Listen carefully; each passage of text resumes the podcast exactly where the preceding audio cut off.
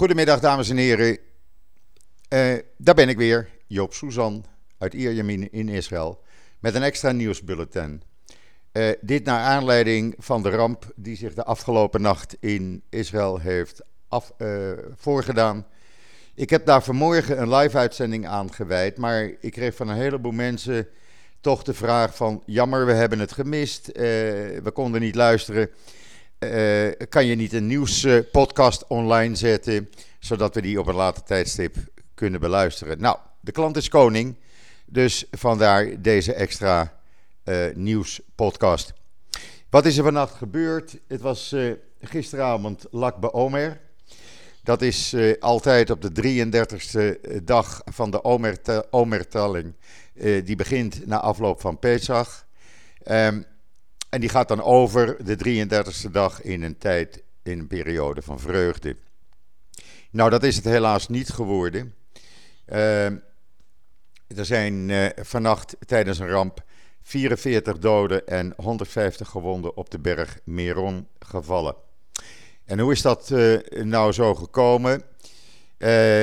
Ik zal het in het kort proberen uit te leggen. op de berg Meron gaan elk jaar uh, honderdduizenden mensen, uh, voornamelijk uit de Toldot Aharon uh, secte, de ultra-orthodoxe groep in Jeruzalem, die eigenlijk nog in de, nou, in 1800 leeft, met hun eigen wetten. Ze erkennen het Sionisme ook niet.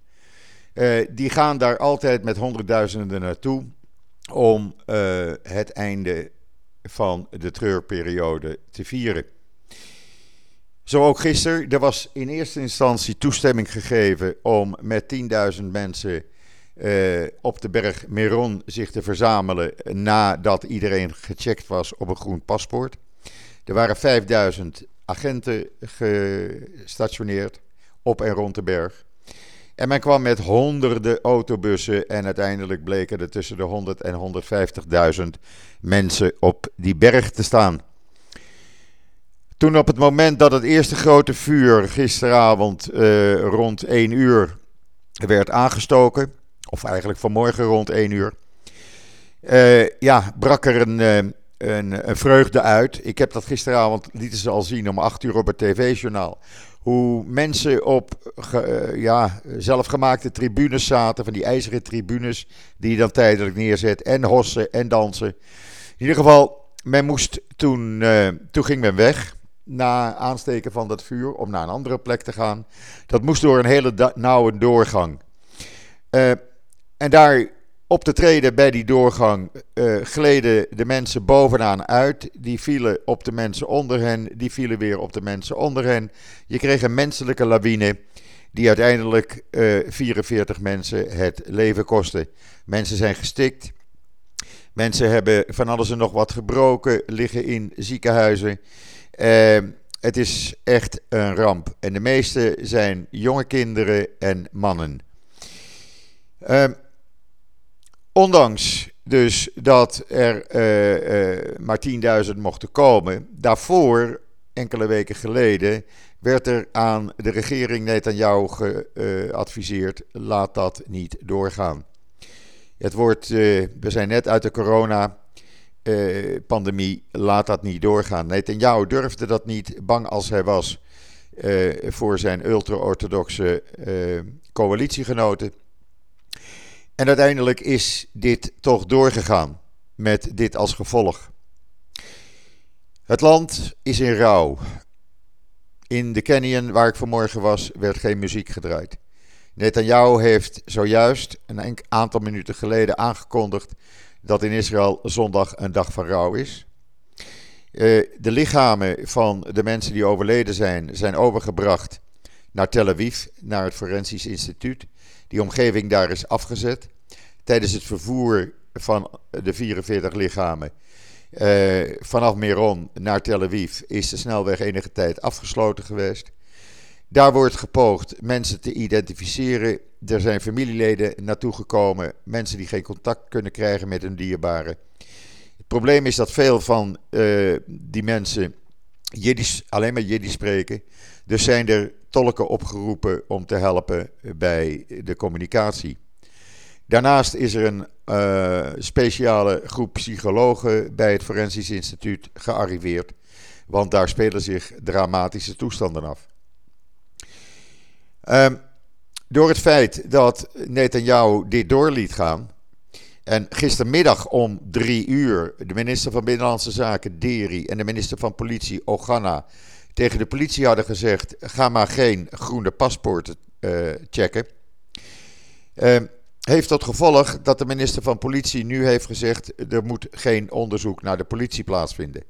Ik begrijp dat wel, want dat komt uiteindelijk bij hem terecht, omdat hij die opdracht heeft gegeven iedereen maar door te laten. Ik zat vanmorgen naar beelden te kijken op televisie en ik wist niet wat ik zag. Uh, was, ik, was dit werkelijkheid? Was ik in een film terechtgekomen? Een chaos. Ik heb het op, zoveel mogelijk op Twitter proberen neer te zetten. Daar kunt u al die filmpjes terugkijken. Er zitten vreselijke beelden tussen. Ik waarschuw u alvast. Het is een ramp die in vredestijd in Israël nooit eerder is voorgekomen. Gelukkig uh, is voorkomen dat er nog meer doden vielen, doordat onmiddellijk nadat dit gebeurde, de IDF werd opgeroepen, de speciale rescue-eenheid. Die kwam met vijf, zes helikopters meteen een aantal minuten later al naar de plek des onheils. Is meteen begonnen met het zoeken naar slachtoffers, het vervoeren van slachtoffers naar verschillende ziekenhuizen in het noorden. Zoals Rambam in uh, Haifa en het ziekenhuis in Safat en Naria. Uh, die hebben enorm veel werk gedaan. Men is de hele nacht doorgegaan tot eigenlijk uh, een uur of tien vanmorgen. En dan zie je foto's van kledingstukken die overgebleven zijn. Hoeden, keppeltjes, uh, flessen water. Het is vreselijk. Het is echt een ramp.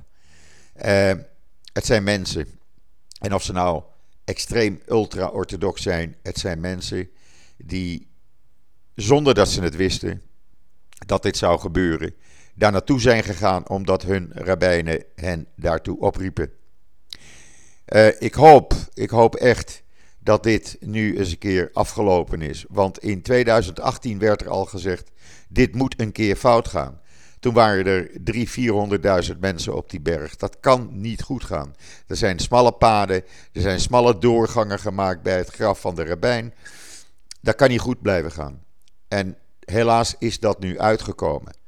En ik, eh, er zijn al oproepen van vooraanstaande Joodse ultra-orthodoxe journalisten en uh, rabbijnen zelfs die zeggen: laten we hier uh, op een andere manier mee omgaan. Dit moet gereguleerd worden.